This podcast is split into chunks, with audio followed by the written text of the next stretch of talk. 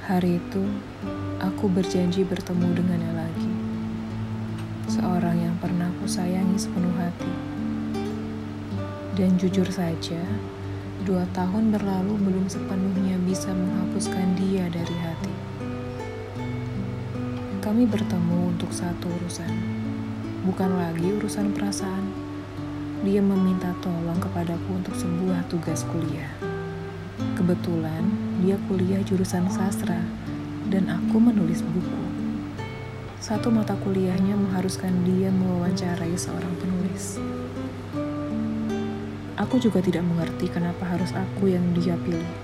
Sedangkan dia mungkin tahu bagaimana susahnya aku menjauh dan menyepi, menghindari waktu bertemu dengannya.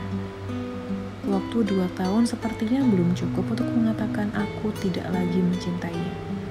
Perasaan itu masih ada, terpendam di lubuk hatiku. Sesekali hadir sebagai rindu. Aku tidak mengenal siapa-siapa selain kau, ucapnya di telepon. Aku bisa mencarikan penulis lain.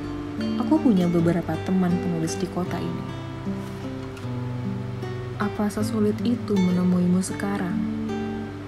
Apa waktumu terlalu mahal? Untuk bagian itu aku tidak punya pilihan. Aku tidak punya jawaban yang tepat. Dua hari kemudian kami bertemu di sebuah kafe di belakang kampusnya. Aku yang meminta datang ke sana. 30 menit berlalu dengan segala upayaku membuat semuanya biasa saja. Namun sungguh, aku tidak mampu menatap matanya. Ada debar-debar tak menentu di dada, menghadirkan ingatan tentang aku yang begitu mencintainya. Jika boleh memilih, cukup itu pertemuan terakhir kami.